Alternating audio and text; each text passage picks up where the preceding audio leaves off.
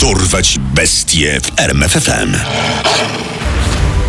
Imię i nazwisko. Benjamin Thomas Atkins. Znany także jako Tony, zabójca z Woodward Corridor, dusiciel z Highland Park, miejsce działalności, Detroit w stanie Michigan, USA. liczba ofiar, 11. skazany na 11-krotny wyrok dożywocia.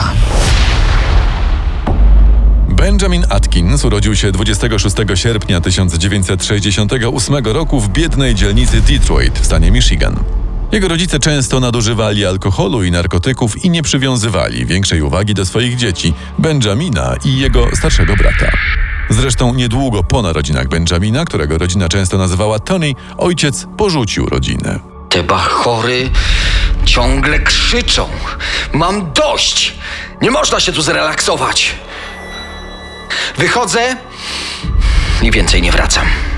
W 1970 roku zaledwie dwuletni Benjamin uciekł z domu. Błąkał się po ulicach przez wiele dni, gdy w końcu zainteresowali się nim pracownicy opieki społecznej. Benjamin Atkins trafił do sierocińca, w którym spędził większość dzieciństwa i młodości. Życie w sierocińcu nie było łatwe. Atkins był wyśmiewany i bity przez rówieśników, a w wieku 10 lat został wykorzystany seksualnie przez jednego z pracowników. Koszmar trwał jeszcze pięć długich lat, nim Benjamin w końcu uciekł z sierocińca i wrócił do domu matki. Przez kilka miesięcy żyło mu się tam całkiem spokojnie i dobrze. Szczególnie, że znów był blisko starszego brata. Jednak sytuacja zmieniła się, gdy na jaw wyszedł zawód matki. Mamo, ty. Ty jesteś prostytutką? Matka nie przejęła się zbytnio odkryciem dzieci, a wręcz przeciwnie, zaczęła regularnie przyjmować klientów w swoim domu. Zachowanie matki było dla Benjamina tak obrzydliwe, że postanowił ponownie uciec z domu w późnych latach 80. Żył na ulicy, a z powodu braków w edukacji imał się głównie prostych, niskopłatnych i ciężkich prac. Szybko uzależnił się od alkoholu i narkotyków. Letnie noce spędzał w parkach i na ulicach, a zimowe w noclegowniach dla bezdomnych. Mimo tego ludzie, którzy znali go w tym okresie, mieli o nim całkiem dobre zdanie. To solidny facet, można na nim polegać. Lubię go. Chociaż jak popije albo się naćpa, to robi się dziwny i wygaduje potworne rzeczy. Na początku lat 90. okropieństwa wygadywane po pijaku przerodziły się w czyny. Obiektem jego palącej nienawiści były kobiety, najczęściej młode lub w średnim wieku, zazwyczaj samotne, często prostytutki lub narkomanki. Jednym słowem kobiety, które przypominały mu matkę. Pierwszą z jego ofiar była 30-letnia Debbie Ann Friday, która zaginęła 8 grudnia 1991 roku. Jej zwłoki znaleziono tydzień później w jednym z opuszczonych budynków przy tzw. Woodward Corridor, czyli budynkach otaczających Woodward Avenue w Detroit. Policjanci, którzy przybyli na miejsce, byli zszokowani widokiem. Dużo w życiu widziałem, ale to musiał być prawdziwy zwyrol. Zwabił ją do tego pustostanu, zgwałcił, a potem udusił i zostawił tam, gdzie upadła. Nawet nie próbował tego ukryć.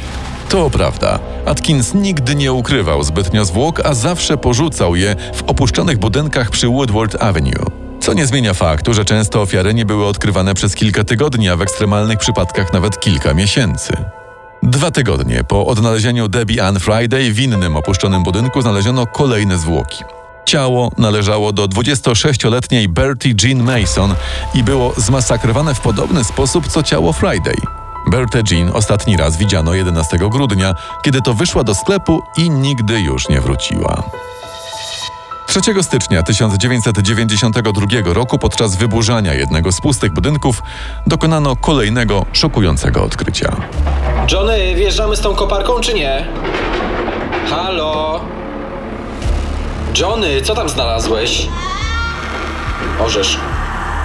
Znalezione przez robotników ciało należało do Patricia Cannon George.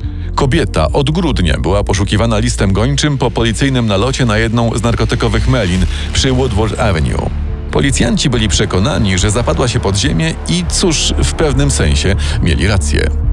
25 stycznia znalazła się kolejna zaginiona kobieta 39-letnia Vicky Trulow. Podobnie jak pozostałe ofiary, Vicky została zgwałcona, uduszona i porzucona w opuszczonym budynku. Pod koniec stycznia zupełnym przypadkiem policjanci po raz pierwszy wpadli na właściwy trop.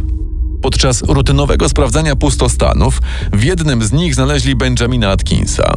Obywatelu, co tu robicie? Wiecie, że po tych opuszczonych budynkach grasuje morderca? A może to wy nim jesteście? Atkins został aresztowany i zabrany na przesłuchanie, ale z braku jakichkolwiek dowodów wiążących go z zabitymi kobietami, wyszedł na wolność tuż po przesłuchaniach.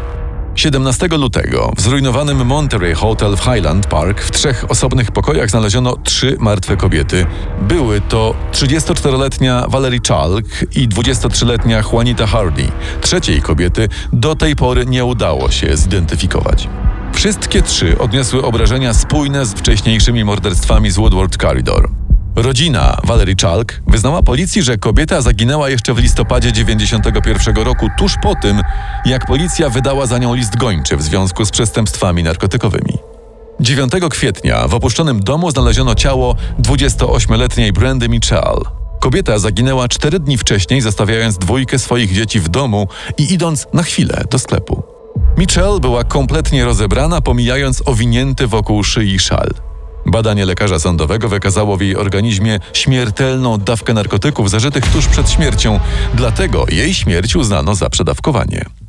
Kilka dni później, 15 kwietnia, znaleziono częściowo już rozłożone zwłoki 27-letniej Vicky Beasley Brown, która była widziana żywa pod koniec marca 92 roku. A 15 czerwca, po kilku miesiącach spokoju, odkryto ciało 45-letniej Joanne O'Rourke.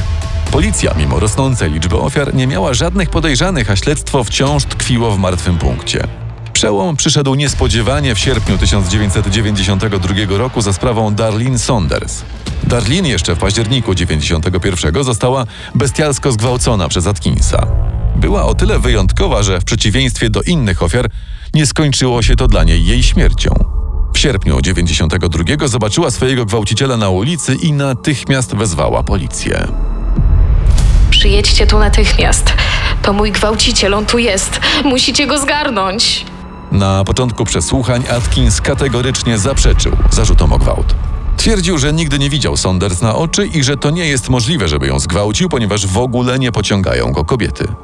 Jednak policjanci nie do końca wierzyli w jego śpiewkę. Co więcej, ze względu na bliźniacze podobieństwo połączyli oni gwałt dokonany na Saunders z tymi dokonanymi na martwych kobietach. Ich przypuszczenia podsycił fakt aresztowania Benjamina Atkinsa w jednym z pustostanów na początku 92 roku. Mówię ci, stary, widzę to. To nasz gość. Musimy go przycisnąć. W trakcie dalszych przesłuchań policjanci sięgali po wszelkie dostępne im metody. Udowodniali Atkinsowi, jak bardzo pasuje do portretu psychologicznego mordercy, pokazywali zdjęcia ofiar i łapali go na każdej drobnej nieścisłości w jego odpowiedziach. W końcu, po 12 godzinach przesłuchań, Atkins pękł i przyznał się do wszystkiego. Dobra, wygraliście. To ja je zabiłem. I jeszcze dwie inne, o których nie wiecie. Morderca wskazał policjantom lokalizację zwłok swoich dziesiątej i jedenastej ofiary. Odpowiednio 21-letniej Oceany Weimer i 29-letniej Latani Shawande Smith. Kobiety były co prawda uważane za zaginione od kilku miesięcy, ale aż do zeznań Atkinsa nie połączono ich z tą sprawą. Ich zwłoki odnaleziono jeszcze tego samego dnia. Podczas zeznań Benjamin wyznał także, że jego pierwszą ofiarą wcale nie była Debbie Ann Friday, której zwłoki śledczy znaleźli jako pierwsze, a znaleziona przez robotników Patricia Cannon George. Wyznał także dokładny motyw i sposoby swoich działań. Mordowałem je, bo nienawidzę prostytutek i narkomanek. Brzydzą mnie. Są obrzydliwe. Wystarczy powiedzieć, że da im się alkohol albo narkotyki i idą z tobą gdziekolwiek zechcesz. Moja matka taka była i nienawidziłem jej za to. Co prawda nie planowałem nigdy zabić żadnej z nich. Ale jak je już widziałem takie naćpane, to nie umiałem postąpić inaczej. Policja nie dysponowała jednak żadnymi fizycznymi dowodami winy Atkinsa. Sprawa opierała się zatem wyłącznie na zeznaniach Darlene Saunders i na wyznaniach samego Atkinsa. Rozprawy ruszyły w 1994 roku. Przed sądem stanęło ponad 150 świadków, w tym rodziny ofiar Benjamina Atkinsa. Sam morderca przez większość procesu zdawał się być wyłączony, niezainteresowany jakby w ogóle nie ważyły się jego losy. Prawnik Atkinsa apelował do sądu o łagodność ze względu na trudne dzieciństwo. Twierdził również, że to psychologiczna trauma, połączona z nadużywaniem narkotyków, zrobiły z jego klienta potwora. Atkins, idąc za głosem prawnika, również twierdził, że jest niepoczytalny i nie powinien być sądzony jak człowiek w pełni świadomy swoich czynów. Mimo tego, po czterech miesiącach ława przysięgłych uznała Benjamina Atkinsa winnym, a sąd skazał go na 11 wyroków dożywocia. Benjamin Atkins miał spędzić resztę swojego życia w więzieniu, jednak ta reszta, mimo dość młodego jeszcze wieku, nie okazała się długa.